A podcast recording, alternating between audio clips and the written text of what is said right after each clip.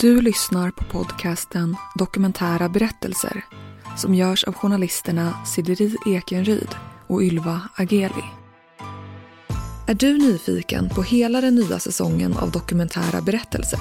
Då kan du gå in redan nu på Podplay, helt gratis, och lyssna på alla tio avsnitt av säsong 5. I den här säsongen så kommer du få höra flera olika livsöden. Det handlar bland annat om hur det är att leva med sexmissbruk, mormonerna schizofreni och sömnparalys. Men det handlar också om ufon och om vårt medvetande överlever döden.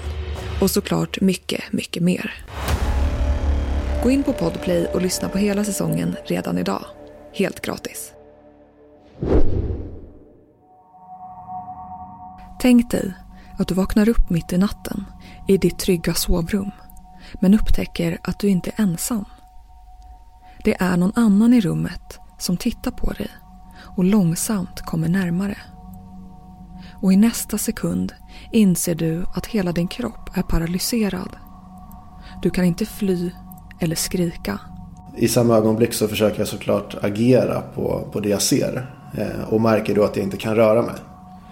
Eh, och kvinnan närma, alltså kommer närmare och närmare hela tiden. Den här upplevelsen drabbar faktiskt vissa personer och kallas för sömnparalys. Ett skeende mellan dröm och vakenhet. I det här avsnittet berättar Jesper om den nattliga varelse som besökt honom i perioder i mer än tio års tid. Det är alltid någonting som är liksom senigt och benigt och alltid överlägsen mig fysiskt. Egentligen så vi pratar också med Torbjörn Åkerstedt om vad sömnparalys faktiskt är. Han är professor vid Stockholms universitet och Karolinska institutet och forskare specialiserad inom sömn. Finns det ingen riktigt bra förklaring till varför eh, vissa har mer utav det än andra.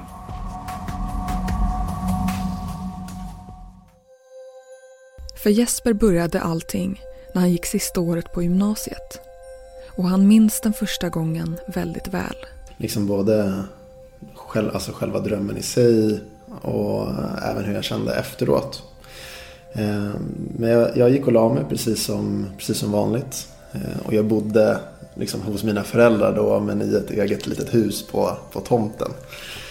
Ehm, men jag gick och la mig precis som vanligt och just när de här sömnkänslorna liksom, som, som man får börjar kicka in så var det som att jag blev väldigt tung och sjönk ner i madrassen en bit. Eh, alltså en, och det var en känsla som jag aldrig haft förut. Och då slår jag upp ögonen eh, och ser en alltså, jätteotäck kvinna som eh, stod i hörnet på andra sidan rummet och eh, tittade på mig. Eh, I samma ögonblick så försöker jag såklart agera på, på det jag ser. Eh, och märker då att jag inte kan röra mig. Eh, och kvinnan närma, alltså kommer närmare och närmare hela tiden. Eh, så jag får ju panik eh, och anstränger mig för livet för att få någonting att fungera. Men helt och hållet utan att lyckas. Och till slut, och hon kommer närmare och närmare hela tiden. Och till slut så når hon sängkanten och liksom sätter naglarna i bröstet på mig. Och jag känner verkligen smärtan. Alltså här var det, det var 100% riktigt. Det var verkligt för mig här. Eh, och då lyckades jag till slut med all kraft liksom sträcka mig till, eh, till mitt nattduksbord som jag hade bredvid mig. Dra ut lådan eh, och få slåss tillbaka och, och försvara mig med. Eh, men den här liksom, kvinnan eller gestalten eh, var i stort sett alltså, helt och hållet oberörd och, och hånfull. Eh, men, och, och, eller, och kort därefter så, så vaknade jag. Eh, och när jag slår upp ögonen igen så ser rummet exakt likadant ut som det alltid gör. Det ser exakt likadant ut som det gjorde i drömmen. Enda skillnaden är att jag är ensam där. Nattduksbordet ser ut som det alltid gjort. Det är inget tecken på, på kamp överhuvudtaget. Eh, och jag söker smärtan i bröstet. Som jag precis upplevt väldigt stark. Men utan att finna den. Och jag blev, så här, jag blev såklart väldigt tagen och, och, lite rädd för att somna om. Men tänkte också så här, men jag vet, var ändå typ 18 år och liksom att, att bara en mardröm ska inte få påverka mig. sömnparalys egentligen. Vi hör Torbjörn Åkerstedt. Vi undrar om han kan förklara fenomenet. En del utav mardrömskomplexet, eh, eller det har varit så kulturellt historiskt sett. Därför maran är ju en person som sitter på bröstet eller får ryggen på en och hindrar en från att röra sig. Ja. Men eh, det är egentligen inte en mardröm utan eh, i eh, sömnparalysen när man märker den då har man ju uppenbarligen vaknat men paralysen hänger kvar. Och för de flesta människor så stängs den av omedelbart men för några så drar det några sekunder, kanske en halv minut, kanske en minut då man inte kan röra sig och det blir väldigt skräckfyllt. Det verkar alltså som att en del av mardrömmen hänger sig kvar en kort period trots att man har vaknat. Samtidigt som kroppen inte kan röra sig. Och att kroppen är paralyserad under REM-sömnen är naturligt. När man eh, drömmer så eh, förlamas positionsmusklerna. Det innebär alltså att mm, rygg, nacke, säte, ben inte kan röra sig. Och det är för att man inte ska agera ut sina drömmar. Allting som man drömmer om, det gör man. Eller det man själv gör i drömmen, det, det gör man också egentligen i verkligheten. Det är bara det att eh, signalerna går inte fram till ben och eh, ryggmuskler och annat. Och det är alltså en spärr för att man inte ska resa sig upp och springa in i väggen när man drömmer. Eller agera ut allt annat tokigt man drömmer. Jesper somnar till slut om. Men bara någon natt senare upplever han samma sak igen. Alltså det kunde vara ganska ofta i perioder. Men då var, till skillnad från hur det blev när jag blev lite äldre, så är liksom uppehållen längre. Och sen så kan det komma ja, men en eh, period om två veckor. Eh, som det är ganska intensivt igen. Då kan det vara var, varannan, var tredje natt. Eh, ibland, vissa gånger så har jag vaknat ur en dröm till slut, eller ur en paralys till slut.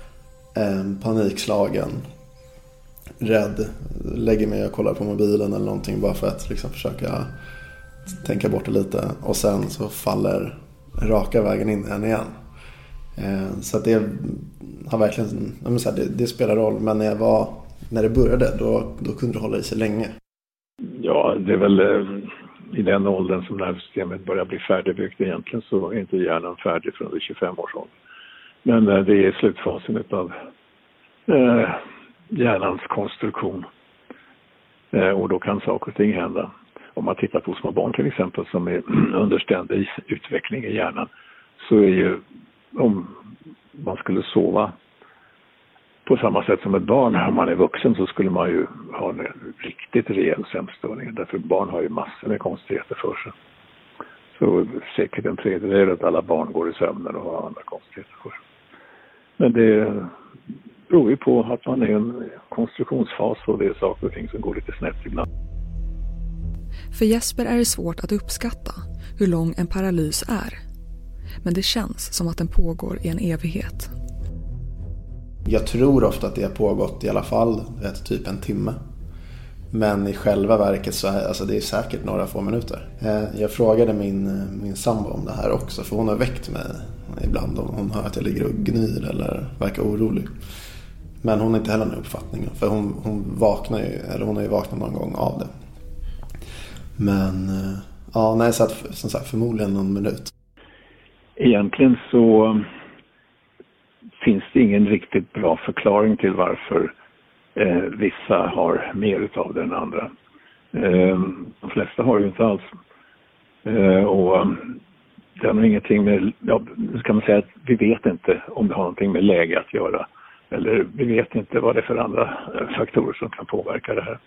Så det är väldigt eh, svårförklarat. Men det är också så att sömnparalys är lite eh, knepigt att forska kring därför att eh, de som lider av det får det ju bara då och då. Så att det är inte bara att ta in en person till ett sömnlabb och eh, hoppas att man ska kunna mäta upp vad som händer utan det kan lika gärna hända ingenting. Så att det är ganska eh, tidsödande att eh, försöka förstå vad, vad som händer. Och det man egentligen behöver förstå det är naturligtvis eh, vad är det för kopplingar i, i hjärnan som går snett. Jesper har alltså haft den här typen av sömnproblem till och från i tio år. Och under den tiden har han ändå lyckats se mönster om varför det kommer. Jag har kunnat koppla drömmarna till perioder, eller så här, till, till vissa saker. Eh, det mest påtagliga det är ångest och dålig sömn. Alltså det är verkligen eh, det, det är nog de två största um, bovarna för min del. Eh, till exempel så om jag har jobbat långa dagar, eh, kommer hem sent på kvällen eh, och kanske i samband med det har eh, stora beslut eh, liksom att fatta. Så, eh, ja, men så här, då, då har det kunnat smyga sig på. Eh, förut när vi, eller jag reste mycket i jobbet och man kunde vara iväg på ja, så här, belöningsresor och festa i, i eh, tre, fyra dagar. Då var det mer av en regel än ett undantag. Och då visste, då visste jag att när jag, när jag kommer hem, alltså då, då kommer det med största sannolikhet bli en paralys. För att man har druckit mycket alkohol, vilket gör att man sover väldigt dåligt. Även om man eh, ligger i sängen i 6-7 timmar per natt så blir fortfarande sömnen kass. Eh, och då, ja, men till slut så tas det tas ut på det sättet. Så när man varit riktigt rubbat och jobbat 12, 14, 15 timmar per dag. Eh, och sen så sover man ja, men, eh, liksom 4-5 timmar kanske. Och sen går man upp och startar om den dagen igen. Bara gång på gång på gång. Som, eh, ja, men, som sagt, det leder dit så småningom. För man kan tänka, eller jag vet jag tänkte då i alla fall att liksom, jag klarar mig på det här. Mm. Men det, kom ju, det var ju så många saker som sa åt mig. Jag bara så här, nej, sluta. Det här, det här håller liksom inte. När det är som allra mest intensivt så kommer sömnparalysen och den obehagliga gestalten ungefär varannan natt. Och även om han lyckas slita sig ur drömmen så kan han falla tillbaka igen bara tio minuter senare. Och hela förloppet börjar om igen. Alltså när, när jag har de här intensiva perioderna så det, ju, ju äldre jag blivit desto större uppehåll är det mellan de här perioderna. Eh, men när den väl kommer så kan det hålla i sig typ två veckor. Som jag, och det gör att jag sover, jätte, alltså, jag sover jätte, jättedåligt. Eh, men det som är skönt när det blir så ofta i alla fall det är att man är, det är nästan som att man är lite vaken, lite alert.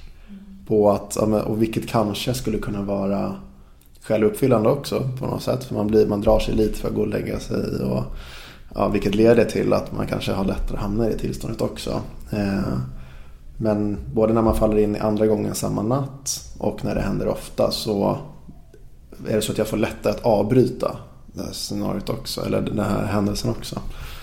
För det är just den här speciella känslan när man sjunker ner i madrassen eller i sängen. Så det, det känner jag verkligen av och då ibland så lyckas jag liksom ja, sätta mig upp.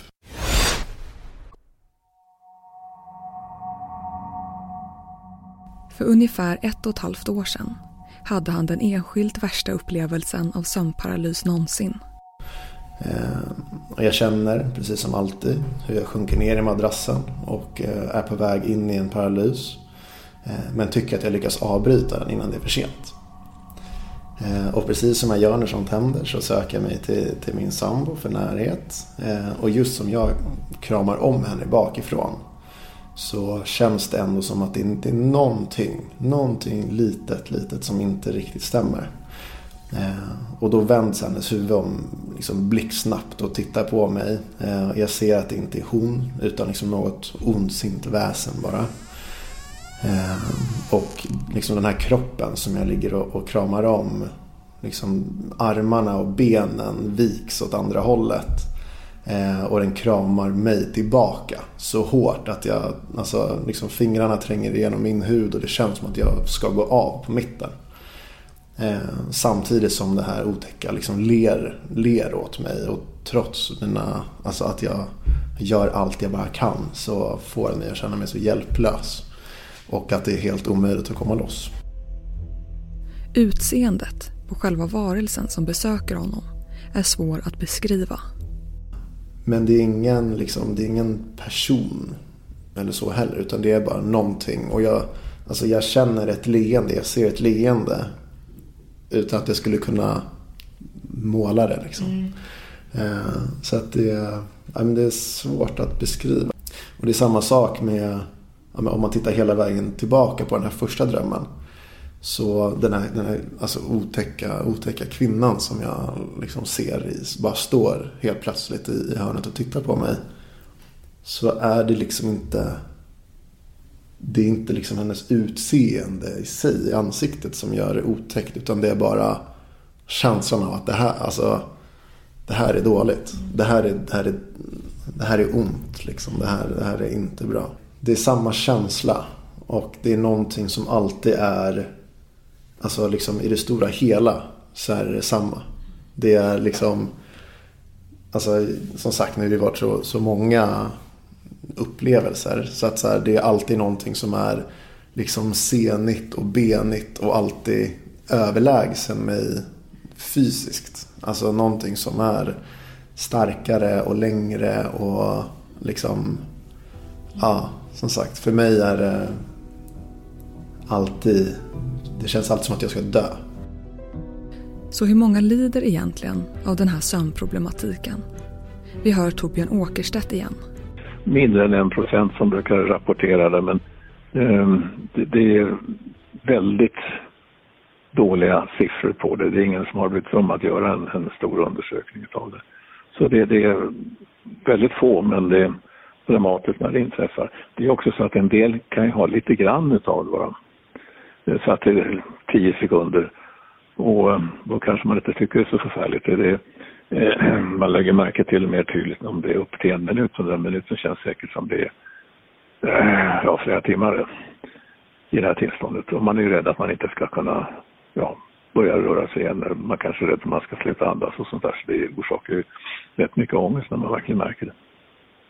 Men det man gör i det som man försöker behandla genom det är ju framförallt eh, någon form av information om att det här är inte farligt på något sätt. Det finns ingen prognos för att det ska eh, gå illa på något sätt för att man har det här. Vare sig blir sjuk eller gör någonting annat. Eh, och att, att individen bör känna sig något sånär trygg med att han eller hon inte kommer att eh, ställa till med någonting eller att det inte kommer att leva, leda till någon eh, allvarlig sjukdom eller så. Och det de här värsta drömmarna också har gemensamt är att det är kraftigt upplevd smärta. Eh, som inte går att bortse ifrån, liksom, hur gärna jag än vill. Eh, för det är det att jag tänker hela tiden. Varenda gång att så här, det är ingen fara, det är inte på riktigt, jag vaknar snart. Eh, men till slut så blir smärtan så grov att jag tvingas agera Eh, på något sätt för att försöka allt vi bara har att få det att sluta.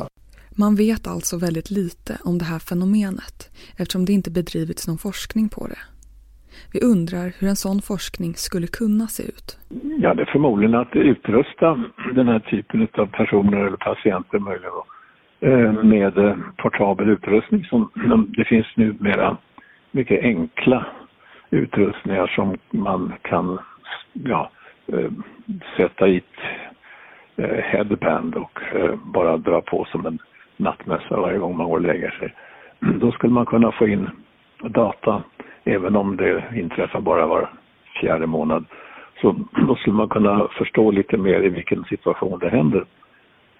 Man skulle också gärna vilja ha en grupp människor som då antecknar noga vad det är som har föregått det här anfallet, om man får kalla det så eh, om det finns någon alkohol med, om det finns stress med. Eh, det är klart att alkohol och stress kommer att eh, påverka drömmandet. Alkoholen gör ju att man drömmer mindre när man har druckit mycket. Ja. Men sen kommer det tillbaka när alkoholen går ur kroppen och då blir drömmen intensivare. Eh, och eh, då kan man gärna föreställa sig att det blir lättare också att råka ut för en, en paralys.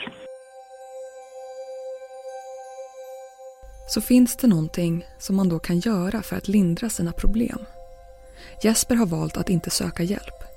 Delvis för att han inte vet i förväg när paralysen ska uppstå. Han försöker istället acceptera att han upplever det här till och från. För att det ska kännas bättre efter så eh, sagt, då tar jag hjälp utav, utav min, eh, min sambo Och för att inte falla in i det igen så brukar jag tänka på att inte ligga på rygg. Mm. När jag sover. För jag tycker att, eller så här, jag tycker att jag har lättare att, att hamna i det här om jag ligger på rygg. Så att då, det är därför jag också vill att jag lägger mig på sidan och hon får hålla om mig så att jag ligger lite fast där. Eh, liksom. Och Det gör det lite lätt, det, det, får mig att känna mig trygg att jag inte kommer liksom vända på mig när jag håller på att somna. Till exempel. Eh, men annars så för min del så har det liksom inte funnits någonting kortsiktigt att göra. Utan det, det verkar gång på gång som att det handlar om en balans i livet och att inte, ja, att inte tumma på till exempel sömnen. Eh, ett sätt att komma från det här lite grann skulle vara att äh, använda sig av antidepressiva medel. Det finns ju en del som har gjort det i, i forskningssyfte eftersom eh, antidepressiva medel stör ut REM-sömnen. Så att det skulle vara, men då ska man ha det ofta och väldigt allvarligt för att man ska vilja använda sig av antidepressiva medel. Men det är experimentell behandling kan man väl säga som har förekommit på vissa ställen.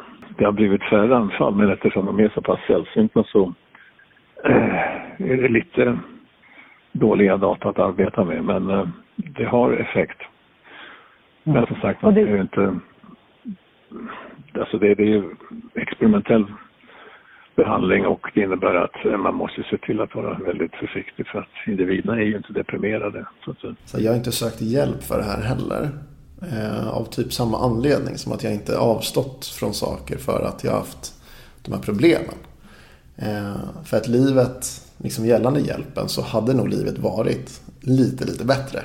Om, om jag inte haft det här liksom. Eh, men jag ser det ändå inte som någonting som jag typ är drabbad av på det sättet heller. För att jag, jag har inte gjort någonting för att jag ska vara någon som får det. Och jag gör ingenting aktivt för att vara någon som får det heller. Och jag har inte råkat ut för något liksom, så, sådär som liksom, jag lyckats läsa mig till eller förstå eller koppla ihop på något sätt heller. Utan det bara är. Eh, så att det... Ja, nej men det, det är väl det.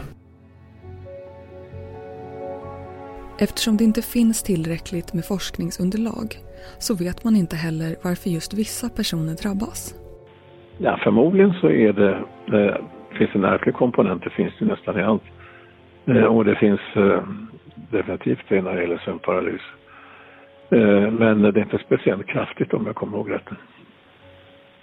Det är väl så att man har samlat ihop för lite folk för att kunna göra den bedömningen. Det behövs ganska mycket material som man ska kunna, och framförallt så behöver man ju material då från tvillingstudier eh, för att avgöra om det är hur pass ärftligt det är. Jag har faktiskt ingen aning varför jag, varför jag har det här eller vad det har att göra med. Och jag trodde inte att det var någonting särskilt. Det, det var jättejobbigt när jag började få det. Men jag trodde inte att det var något särskilt eh, fram tills att jag pratade om det för första gången. Eh, och då visade det sig att jag hade en kompis som hade haft en liknande upplevelse. Eh, som bes började beskriva, jag tror till och med det var han som började öppna upp det lite grann. Med att så här, jag hade en så, så hemsk mardröm. Eh, om det var liksom dagen innan eller sådär. Eh, och började beskriva det här och jag bara, men du. Alltså det är ju exakt, det är ju exakt vad jag har haft nu några gånger också. Han beskrev det också som att han såg liksom en läskig tant i, alltså liksom i rummet. Som liksom kom närmre och närmre honom och han kunde inte göra någonting för att få det att sluta. Eh, och då kände jag igen det så himla mycket i min upplevelse och började då mm, googla lite granna. Och sökte första gången på typ sover fast jag är vaken. Eh, och kom då in på liksom sömnparalys, lucid dreaming, sömnförlamning och, och, allt vad det kan kallas. Då. Eh, och, och hittade då också, ja, men de flesta verkar tycka att det här är, är jättejobbigt. Och att vissa liksom, alltså strävar efter att uppnå det här för att man kan leva så. Man kan göra så mycket saker i de här drömmarna om man lyckas ta kontroll på dem. Eh, jag tror till och med jag såg en intervju någon gång om någon som var halvt om halvt beroende av det här tillståndet. Att han behövde ha det här. Han behövde, behövde kunna flyga och men, ha sex med vem man ville och det, liksom, göra allt det här som inte var möjligt i det riktiga livet. Och Jesper själv har faktiskt också upplevt väldigt bra drömmar. Eh, och då har jag fått en paralys. Men känslan är lite, lite annorlunda. Eh, och det har börjat med att jag är fast i sängen precis som jag alltid är. Jag är lika medveten om vad som händer varenda gång. Men att jag lyckats sätta mig upp i sängen. Istället för att man bara inte kan röra en enda muskel så har jag lyckats sätta mig upp i sängen. Eh, och samtidigt som jag anar. Alltså jag vet, jag vet ju att det egentligen är en dröm. Men allting är ju exakt som allting ser ut precis som det gör i, liksom, i verkligheten. Och man tänker, alltså man har medvetna tankar och liksom, det är så mycket som stämmer på samma gång. Eh, men eh, så här, det har hänt att jag kunnat sätta mig upp, kunnat ta steg in i rummet. Och liksom börja, börja gå omkring och liksom närma mig ytterdörren till slut. Eh, och det svåra när det händer är att, eller för mig har alltid varit att när jag lyckas ställa mig upp och börja gå, att inte titta tillbaks på min kropp eller sängen där man ligger och sover. Eh, för då blir jag alltid tillbakaskickad alltså ögonblickligen till liksom det ursprungsläget som de ligger i. Eh, men jag vet första gången som jag verkligen hade en, en bra liksom, sömnparalys eller eh, så, så, eh, så var det faktiskt att jag, jag vände mig om och tittade på sängen, blev tillbaka skickad och då blev jätte Alltså du vet, det är ett steg till medveten om att säga, nej, men det här är bara, nu befinner jag mig i det här läget och det är ingen fara. Alltså nu är det bara att köra. För annars så tänker jag alltid att så här, drömmer jag eller är, är jag vaken? Alltså är det verkligt? Men då, då lyckades jag ta mig ut genom dörren. Eh, och hade alltså faktiskt fantastiska upplevelser. Allt ifrån eh, alltså, sexuella upplevelser till att kunna alltså, springa jättesnabbt och hoppa flera hundra meter högt och, och långt och få känslan av att kunna flyga. Det här är ju ett väldigt speciellt ämne att prata om. Eh, och nästa, eller det är för att det nästan är helt obegripligt för de som inte själva upplevt en paralys. Och jag har känt flera gånger när jag var yngre att jag, jag kunde känna mig som ett riktigt UFO. När man delar med sig av alltså den hemska upplevelsen man har haft under natten till exempel med sina närmsta liksom, kollegor eller vänner. Eh, och sådär. Och det var väldigt lätt för folk att bara vet, typ klappa en på axeln och bara som en gubben, har du haft en mardröm? folk berättar inte gärna att de sover dåligt. Det har varit ett svaghetstecken. Ehm, dålig sömn det är någonting som väcker andras misstänksamhet. Har gjort i alla fall. Ehm, och ehm, man vill nog inte framstå som svag på det. Så det gäller ju vanliga sömnstörningar också.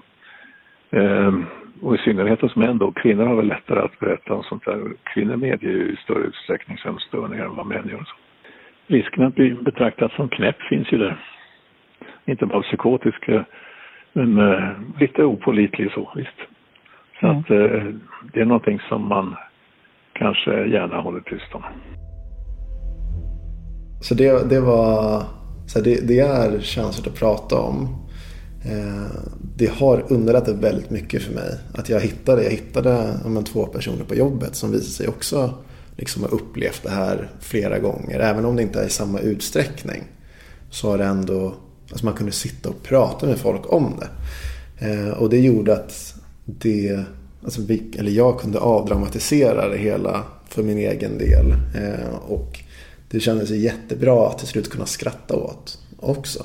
Att ja, men till exempel efter att man varit iväg på en resa eller en kick-off eller vad som helst. Så bara så här, ja, men det är klart att, eh, klart att det blev en drömpar eller en sömnparalys igår. Ehm, och då kunna så här, dela med sig av allting som hände på ett liksom, inte alltför allvarligt sätt och bara kunna så här, ah, så typiskt liksom. Istället för att jag, och själva verket så låg man ju bara hade, hade sån panik och, och liksom man blir ju skärrad även om det är för en kort stund. Liksom. Mm. Men det, det har varit väldigt bra. Så det, om, om det är någon som känner att de, eller om det är någon som upplever samma saker så är det något som jag verkligen skulle kunna rekommendera. Att hitta någon, för det är garanterat någon i omgivningen, som eh, har upplevt eller upplever samma saker. Eh, vissa mer och andra mindre. Men så att man har någon att prata, prata med dem som faktiskt förstår.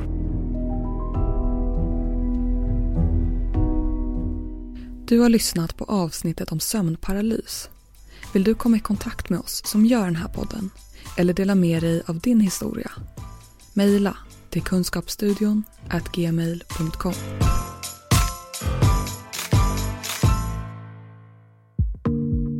I nästa avsnitt.